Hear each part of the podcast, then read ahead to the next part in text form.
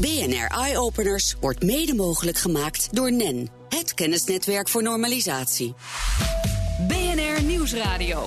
BNR Eye Openers.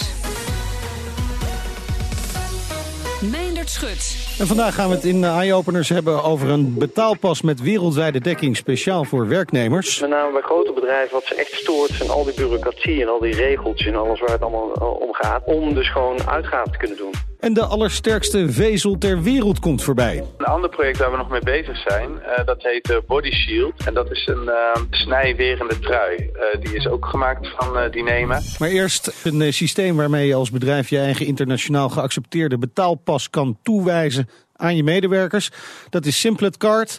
Even het saldo aanpassen met een klik op de muis en het staat erop. Erik Seveke van Simplet Card, welkom. Dank. Fijn dat je er bent. Uh, dat klinkt allemaal heel erg simpel en makkelijk. Klopt het ook? Want uh, eigenlijk is het idee uiteindelijk, even mensen die dat weten nu met, met bedrijfsbetaalpassen. Je zit met een enorme weerwar aan bonnetjes. Ja. Die moet je allemaal weer invoeren. Hoop werk voor mensen. Jullie maken het echt allemaal een stuk simpeler. Ja, je krijgt de pas. Ja. Uh, daar staat als het goed is het geld op van je werkgever. Je geeft het uit, je krijgt push notification. Je krijgt een verzoek om een bonnetje toe te voegen. Wij vullen eigenlijk vrijwel alles in. Uh, je drukt op verzenden, de manager krijgt het ter, ter goedkeuring, keurt het goed. Uh, en vervolgens zit met één druk op de knop zit het in de boekhouding. En je hebt geen papieren romslomp meer, geen processen, alles is weg. Lekker makkelijk. Ja. Uh, meestal zijn dingen die makkelijk zijn moeilijk te ontwikkelen. Was, was het lastig om een, uh, een pas te ontwikkelen die zowel bank onafhankelijk, hè, want dat is hij ook, bank onafhankelijk is, als internationaal geaccepteerd? Uh, er zitten natuurlijk een heleboel aspecten aan. De moeilijkheid. Ja. Uiteraard software ontwikkelen op zichzelf is een uh, flinke uitdaging. maar zeker ook eigenlijk de partijen die betrokken zijn om zoiets mogelijk te maken. Zoals Mastercard, dat soort partners.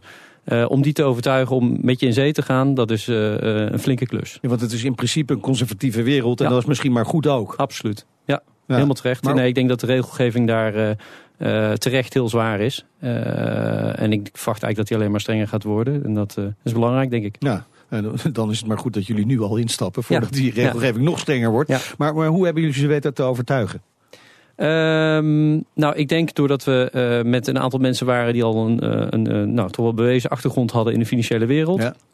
Ook ervaring met het ontwikkelen van software, complexere softwareapplicaties. dat we eigenlijk het pakket, de voldoende geloofwaardigheid konden creëren. genoeg de uh, comfort konden bieden aan de partners, dat we het konden ontwikkelen. Nou, dat is natuurlijk de ene kant. Aan ja. de andere kant zijn jullie dan ook verantwoordelijk voor uh, de klanten die ja. met jullie betaalpas gaan werken. Maken jullie dan ook een strenge selectie? Ja, absoluut. Ja, dat heet uh, dan risk en compliance. En dat betekent dat je van tevoren natuurlijk gaat kijken. volgens regel, regels moet je kijken van waar wordt het geld aan uitgegeven. Ja. in gesprek met de klant, dat je gewoon ook weet uh, uh, dit is hun doel. En klopt dat dan ook met waar ze het aan uitgeven? En begrijpen waar, waar het geld vandaan komt? En allemaal met oog op uh, de wet te, ter voorkoming van terrorisme, financiering en witwassen. Ja, want die is echt heel belangrijk ja. aan het worden. Die gaat voor veel bedrijven grote gevolgen mogelijk hebben als ze ja. zich daar niet aan voldoen. Hè? Ja, absoluut. Over dat gemak. Ik denk vooral dat de administratie een stuk makkelijker wordt. Dat je niet al die bonnetjes in, in doos bijna op het ja. bureau krijgt. Hè? Ja, ja. Maar ook, ook, ook voor managers. Hè. Uh, wat wij gewoon veel zien is de managers die een lijst met honderd uh, of duizend bonnetjes krijgen en in één keer alles aftekenen. Zonder daadwerkelijk te controleren of uh, het wel rechtmatig is, zoals wij dat dan noemen. Ja. ja. maar hoe, gaat dat in jullie systeem dan? Want het moet nog steeds gecontroleerd worden. Het moet nog steeds gecontroleerd worden. Waar wij uh, uh, nu mee bezig zijn, wat wij aan het testen eigenlijk zijn bij een aantal klanten, is om inderdaad de bonnetjes waarvan we eigenlijk wel vrijwel zeker weten dat ze kloppen, ja. om die eigenlijk eruit te halen. Of eigenlijk een lager, wat wij dan noemen, rating te geven. Zodat ze. Gewoon een soort laag risico ja. profiel krijgen, die bonnetjes. En dus dat je zegt, uh, ik eet bijvoorbeeld iedere dag lunchtijden buiten. Als dat toch iedere keer ongeveer hetzelfde bedrag is, nou waarom zouden we dat dan niet goedkeuren en dan bijvoorbeeld 1 op de 10 controleren? Ja, dus eigenlijk gewoon de vaste kosten, ja, die laat je gewoon doorgaan, want die ja. heb je al een keer gecontroleerd. Ja. En, en als de manager dat al een keer gecontroleerd heeft, dan weet dat systeem het ook. Ja. Oké. Okay. Ja. Um, zijn er nog, want dan dit betekent eigenlijk, hè, als dit allemaal online gaat, dan betekent dat dat ook het gemak natuurlijk. Ja, nou, het, je hoeft ook gewoon veel minder te controleren. Uh, voor de werknemer is het natuurlijk veel makkelijker, want die hoeft niet te kijken of hij daar, hè, typisch schiet hij dat voor. Ja. Uh, maar dan hoeft hij dus niet meer te controleren of hij het geld ook daadwerkelijk teruggeeft. Hij hoeft het niet meer te bewaren, hij hoeft niet te wachten. Als hij bijvoorbeeld een corporate creditcard heeft, hoeft hij Nee. niet te wachten tot het statement binnen is. Oké. Dus het gaat, uh, gaat veel sneller. Gaat veel sneller. Dan denk ik wel, is dit systeem vooral geschikt voor echt grote internationale bedrijven? Uh, nou, uh, wij denken zelf dat, uh, dat wat we noemen onze sweet spot met name zit tussen partijen die typisch, laten we zeggen, 100 mensen tot 3000 mensen in dienst hebben. Ja. De echt grote zien wij minder omdat die typisch toch wel wat meer maatwerk vragen en wat complexer zijn om te bedienen. Uh, en de kleinere zeker nut. Alleen de compliance kosten die daarbij komen uh, en de waarde die, daar, die we daarvoor kunnen creëren Ja. is relatief beperkt. Oké, okay, dus het is vooral de, de, de, de middelgrote bedrijven, daar, Ja, die zouden hier enorm veel profit. Maar dat zijn er ook heel veel natuurlijk. Dat zijn er heel veel. Ja, ja, ik precies. heb wel gehoord iemand die zei 22.000. Dus uh, oh ja, dan moet er alleen al in Nederland. Ja, ja. en waarschijnlijk wil je verder kijken dan alleen Nederland. Ja, ja. begin 2019 willen we actief zijn in één ander Europees land. Uh, we zijn nog aan het bepalen welk. Oké. Okay. Uh, en met, tegen 2025 hebben we eigenlijk voorgenomen om in heel Europa actief te zijn. Heel Europa, nog niet ja. andere kant van de oceaan dus? Nee, daar zijn, de regelgeving speelt daar een rol. en bijvoorbeeld Amerika. Waarom je daar bijvoorbeeld heel weinig vergelijkbare fintech-startups ziet zoals wij... Ja. is omdat daar de, de liabilities, de, de, de aansprakelijkheid die je daar krijgt... die zijn gigantisch. En uh, de, ook de complexiteit om daar te kunnen starten, dat is te groot. En daar zullen ze eerst zelf een, een en ander moeten veranderen... voordat partijen zoals wij daar actief kunnen worden. Oké. Okay. En hier juist in Europa, omdat het een uniforme markt is... Ja. wat dat betreft, de ja. regelgeving geldt voor alle Europese landen... in ieder geval die ja. lid zijn van de Europese Unie, is dat makkelijker. Ja, absoluut. Ja.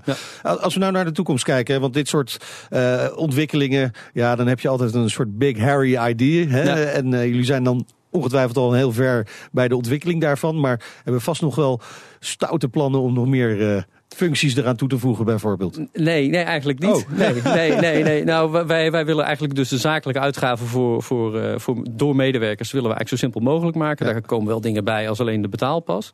Maar eigenlijk uh, geloof ik juist in, in, in uh, het heel beperkt houden. Heel, heel, heel duidelijk, heel gefocust houden. In tegenstelling tot bijvoorbeeld banken die alles aanbieden. Ja. en ik denk dat we beter kunnen focussen op het ding wat we aanbieden. En dat we dat gewoon heel goed voor een beperkte doelgroep ja. aanbieden. Wat ik me nog kan voorstellen, hè, want we hebben al zoveel pasjes in onze portemonnee. Dus Ja. heb je het bedrijfspasje Ja. ook nog. Uh, gaat het pasje ook nog bijvoorbeeld op de smartphone komen? Ja, uiteraard. Uh, alleen dat, uh, dat, is, dat is een kwestie van tijd. Je hebt natuurlijk partijen als Apple Pay Ja. die dat moeten doen. De techniek is er gewoon. Ja. Het is eigenlijk meer gewoon een keuze van wanneer gaan we dat met z'n allen Ja. doen en accepteren. Ja. En, en speelt er iets zoiets als blockchain hier ook nog een rol? Nee. Is dat iets waar jullie mee gaan werken? Nee. Nee, Nee. waarom niet?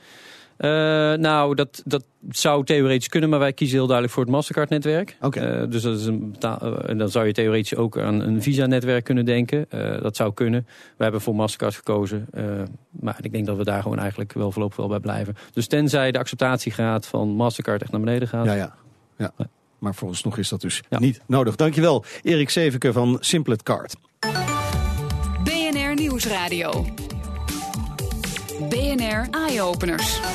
Voor het eerst lopen in Nederland hoogspanningskabels van 380.000 volt onder de grond in plaats van aan die welbekende masten. Dat is best wel een knap staaltje werk, want uh, tot nu toe was geen kunststof omhulsel bestand tegen de hoge voltages. BNR's Jigo Krant die nam een kijkje in Vijfhuizen waar de kabels de grond in gaan. En hij sprak daar met Theo Molier. Hij is engineer bij netbeheerder Tennet. Wel, hier zien we de eindsluiting van de kabel. Omdat hier 380 kV op staat, moet alles afgebouwd worden naar nul toe. Want aan de buitenkant mag je een beet pakken, dus daar mag 0 volt op staan. Gebeurt dat niet goed, dan slaat de kabel door naar buiten toe. En hebben we een kortsluiting. Dus in deze buis zit 380 kV, kilovolt. Zal ik even voor u uh, voelen of hij uh, inderdaad 0 kV aan de buitenkant is met gevaar voor eigen leven? Ja hoor, je mag, nu, uh, je mag hem aanraken. Ja, ik leef nog. Ja, gelukkig hè. Ja. Dus, en wat zo uniek is, is hier buiten zien we hoogspanningskabels. Ja. Zoals we ze overal in Nederland zien. Ja. Maar hier gaat het de grond in. Hier en dat is in. relatief nieuw. Dat is relatief nieuw. We leggen 10 kilometer aan als proef. En dan willen we kijken of dat net stabiel blijft. Dat is het belangrijkste. En met die gegevens gaan we weer verder om te kijken of het in de overige delen ook kunnen verkabelen. Ik vind alleen die hoogspanningskabels echt bij het Nederlandse landschap passen. Net zoals koeien in de wei. Nou, die koeien die gaan al de stal in en nu gaan die leidingen ook nog eens een keer onder de grond. Voorlopig doen we het alleen maar daar waar het echt nodig is onder de grond. Dat is bij kanalen of bij eh, concentraties voor woningbouw. En voor de rest in het landschap beloof ik u dat voorlopig blijven ze daar staan. Oké, maar waarom in de buurt van huizen moeten ze de grond in? Mensen hebben er last van.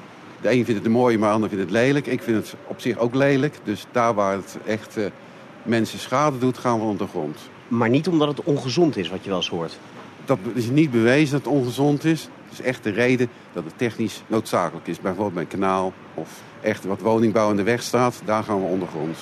U zegt, het is niet bewezen dat het ongezond is. Maar mensen hebben wel de perceptie dat het ongezond is. En verder zegt u zelf, u vindt het ook niet mooi.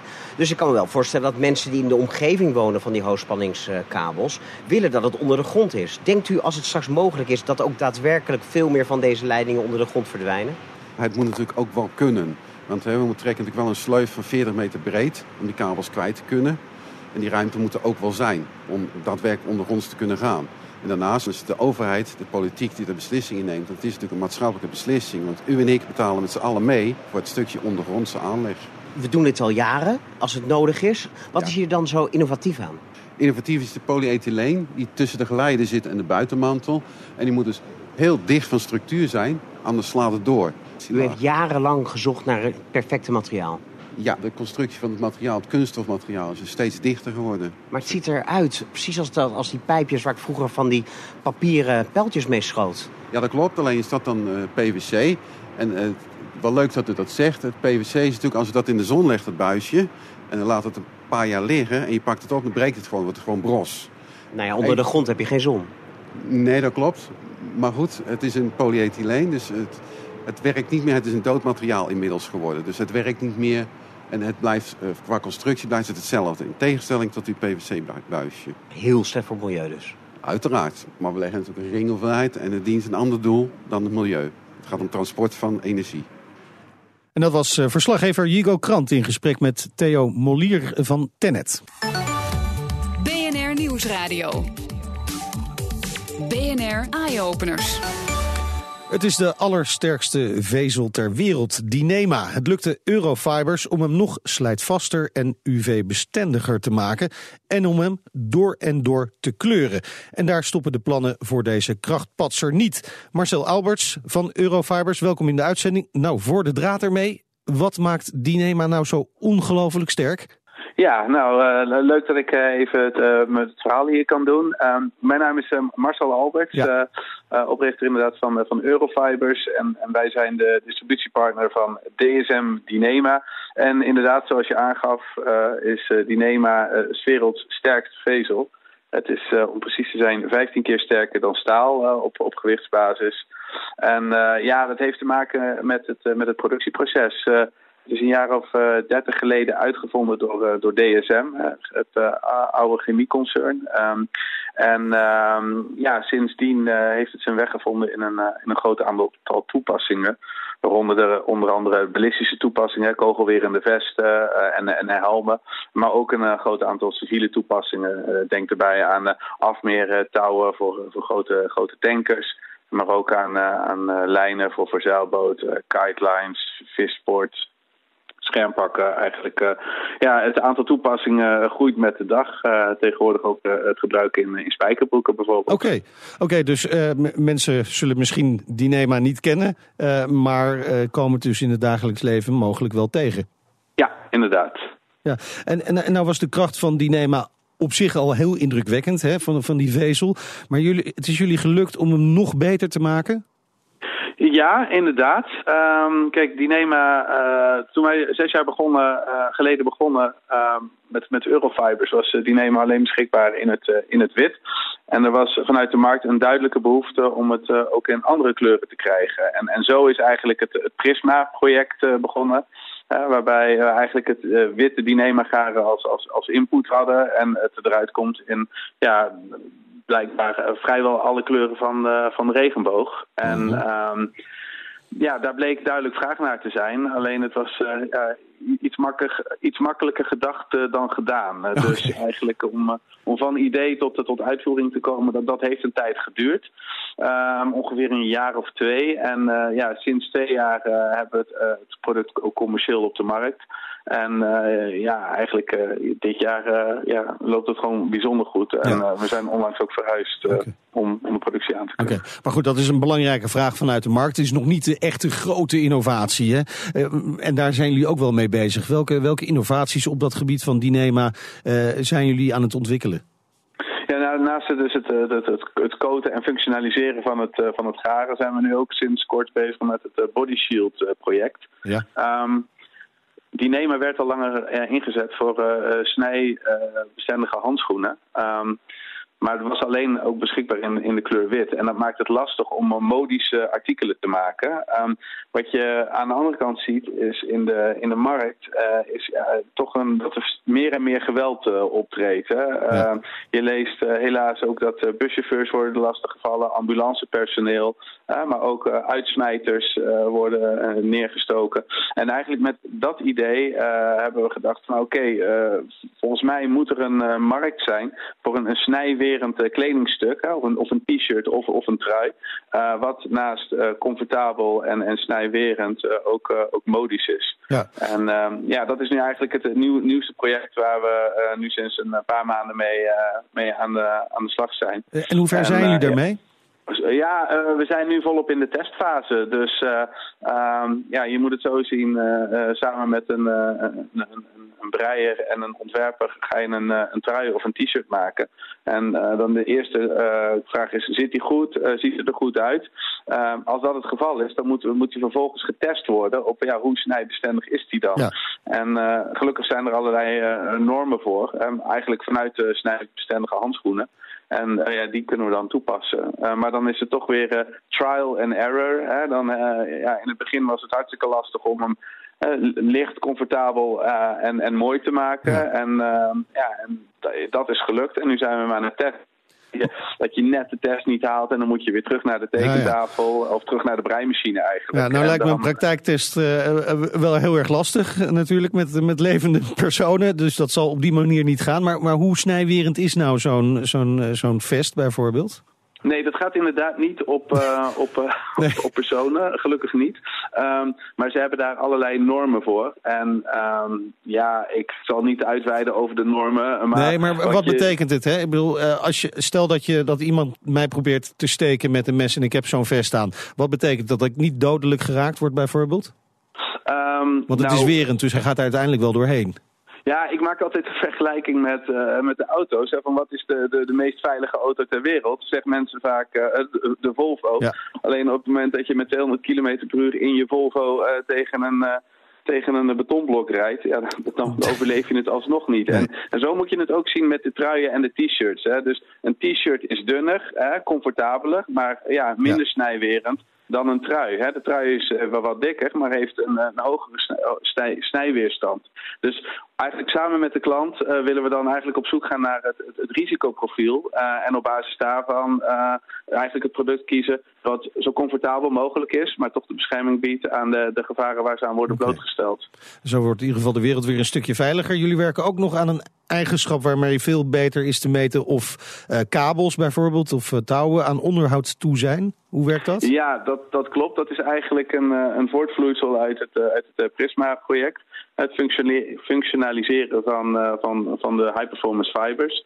Ehm, maar eh, een van de dingen die we kunnen doen bijvoorbeeld is ehm, door, door middel van additieven kunnen we functies aan de coating geven. En een van de functies zou kunnen zijn hè, glow in the dark. Maar een andere functie zou kunnen zijn om het, eh, de coating en daarmee het garen eh, of eh, elektro- elektrisch geleidend te maken of magnetisch geleidend. En dat je daarmee eigenlijk uit kan lezen wat de status is van je touw. Dus eh, ehm, dat, is, dat is met name in industriële toepassingen een, iets belangrijks. Hè. Bij staalkabel kan dat al, alleen bij synthetische touwen nog niet. Dus dat is eigenlijk toch eh, ja, de holy grail eh, waar, we, waar we naar op zoek zijn. Van hoe kunnen we nou op een, op een eh, ja, goede, onderbouwde manier eh, de klant adviseren wanneer hij zijn touw moet vervangen. Hartelijk dank Marcel Alberts van Eurofibers. BNR Nieuwsradio. BNR Eye Openers. Tijd voor de beste technieuwtjes vanuit de hele wereld. En daarvoor spreken we zoals elke week met tech- en innovatie-expert Elger van der Wel. Elger, als eerste wil jij het hebben over slaap, toch? Ja, ze waren deze week nog in het uh, nieuws. De slapeloze nachten die kunnen voorkomen worden met een koel kussen. Dat denken ze tenminste bij de start-up Mona. Ze ontwikkelden een soort ja, mat die je in je kussen kan stoppen en waar koud water doorheen gepompt kan worden. Hmm. Ja, via een soort los kastje, een soort hele grote wekker. Lijkt een beetje op zo'n zo'n Philips wake-up light. Die zet je op je nachtkastje. Uh, ja, op die manier blijft je kussen koel. Dat helpt dan om je warmte kwijt te raken en daardoor zou je beter moeten kunnen slapen. Het is tegelijk natuurlijk ook een slaaptrekker, zodat je alles goed kan bijhouden. En als je zo'n ding wil hebben, als je denkt, nou, dat is misschien een oplossing voor mijn slaapproblemen. Het is op dit moment een Kickstarter-project. Uh, makers wilden 50.000 dollar ophalen om uiteindelijk de Mona ook echt te gaan ontwikkelen. Inmiddels staan ze al uh, boven de ton, dus dat ding lijkt er wel okay. echt te gaan komen. Ja, maar je komt ook echt de meest bijzondere dingen tegen hè, op Kickstarter. Ja, klopt. Ik, ik heb er wat dat betreft nog wel eentje voor je. Oh ja, nou kom maar op. Het is de Power Up Dart. Het is echt een hit op, uh, op Kickstarter. Het is een papieren vliegtuigje dat je kunt besturen met je smartphone. Het is eigenlijk gewoon een, bouwpakket. Je krijgt zeven vellen papier, zodat je verschillende vliegtuigjes kan vouwen. En uiteraard zit er een soort ja, motor, propeller unit bij met ingebouwde accu en een draadloze verbinding, zodat je hem kan besturen met je telefoon. En ook nog wieltjes voor het opstijgen, dus je kan hem echt uh, ja, vanaf een landingsbaantje laten opstijgen. Hij kan maximaal 10 minuten in de lucht uh, blijven op een volle accu, dat is best wel lang. En hij kan via je smartphone acht verschillende trucjes doen, loopings, keuken trekkers, dat soort dingen. Het is echt een papieren stuntvliegtuigje wat dat betreft. Uh, wil je hem hebben, dan kun je 45 dollar in het project op Kickstarter investeren. Ongerekend zo'n 38 euro. En dan krijg je hem als het goed is uiteindelijk uh, in huis. De makers wilden 25.000 dollar ophalen. Inmiddels zijn ze boven de 3 ton. Dus uh, het, gaat, het, gaat, erg goed met het vliegtuigje. Ja, het is ook wel een cool ding, maar ook wel een beetje prijzig voor een papieren vliegtuigje. Hey Elger, even naar wat serieuzere zaken. Een vreemde situatie deze zomer in Arlington, Virginia. Daar reed een lege, zelfrijdende auto rond in de stad. Zo leek het tenminste, maar dat bleek uiteindelijk een auto met daarin een man die vermomd was als autostoel. Nu is daar iets meer over bekend uh, gemaakt, Elger. Ja, destijds ging altijd gerucht van, is dit een soort onderzoek om te kijken hoe mensen reageren op zelfrijdende auto's? Nou, dat heeft Ford inmiddels ook uh, toegegeven. Ze deden dat onderzoek samen met het Transportation Institute van Virginia Tech, lokale universiteit al daar. En inderdaad, het, het, was vooral de bedoeling om te kijken, als mensen zo'n zo'n auto zien rijden zonder iemand erin, hoe reageren ze? En hoe uh, is het duidelijk wat die auto gaat doen? Want normaal zoek je eigenlijk in het verkeer, zeker als voetganger of fietser, en ook als andere automobilist, best wel vaak oogcontact met een bestuurder om ja, een soort van te zien wat iemand wil gaan doen, iemand voor te laten zetten. Ja, dat kan een zelfrijdende auto niet. Dus ze hebben onder andere lopen testen met lampjes op de auto in die hele rare zelfrijdende auto zonder, zonder echte bestuurder erin. Ze zijn trouwens niet de enige die dit soort onderzoeken doen bij Ford. Verschillende autofabrikanten en universiteiten zijn al onderzoek aan het doen hoe mensen in het verkeer sociaal reageren op zelfrijdende auto's. En dat is eigenlijk net zo belangrijk als het ontwikkelen van de techniek zelf, als je die daadwerkelijk ja. Ja, in het verkeer wil gaan brengen natuurlijk. En over auto's gesproken, er is uh, ook nieuws over accu's voor elektrische auto's. Nou, eigenlijk is er één ding uh, duidelijk bij de accu's van elektrische auto's. Ze moeten groter, zodat er meer energie ja. in kan. En ze moeten goedkoper worden. Maar het zou ook wel fijn zijn als ze wat sneller opladen. En daar is uh, Daimler, dat is de, de eigenaar van Mercedes-Benz onder andere, mm -hmm. druk mee bezig. Het bedrijf investeert miljoenen in een Israëlische start-up genaamd Stordot. En die zijn druk bezig met het ontwikkelen van een systeem om de accu van een elektrische auto in vijf minuten te kunnen opladen. Dat betekent Zo. letterlijk ja, een soort tankbeurtje langs snel. Je koopt nog even snel misschien een broodje of een flesje drinken. Tussen in vijf minuten is je accu opgeladen en kan je verder rijden. Ja, dat, als, als het lukt, wordt het een doorbraak op het gebied van, uh, van elektrische auto's. Ja, benieuwd of dat inderdaad gaat lukken. Dankjewel, Elger. Meer innovaties met impact vind je op bnr.nl slash eyeopeners. Op Twitter vind je ons via BNR Innovatie. En de hele uitzending kun je terugluisteren als podcast via iTunes en Spotify. En je hoort ons in de toekomst. BNR Eye Openers wordt mede mogelijk gemaakt door NEN, het kennisnetwerk voor normalisatie.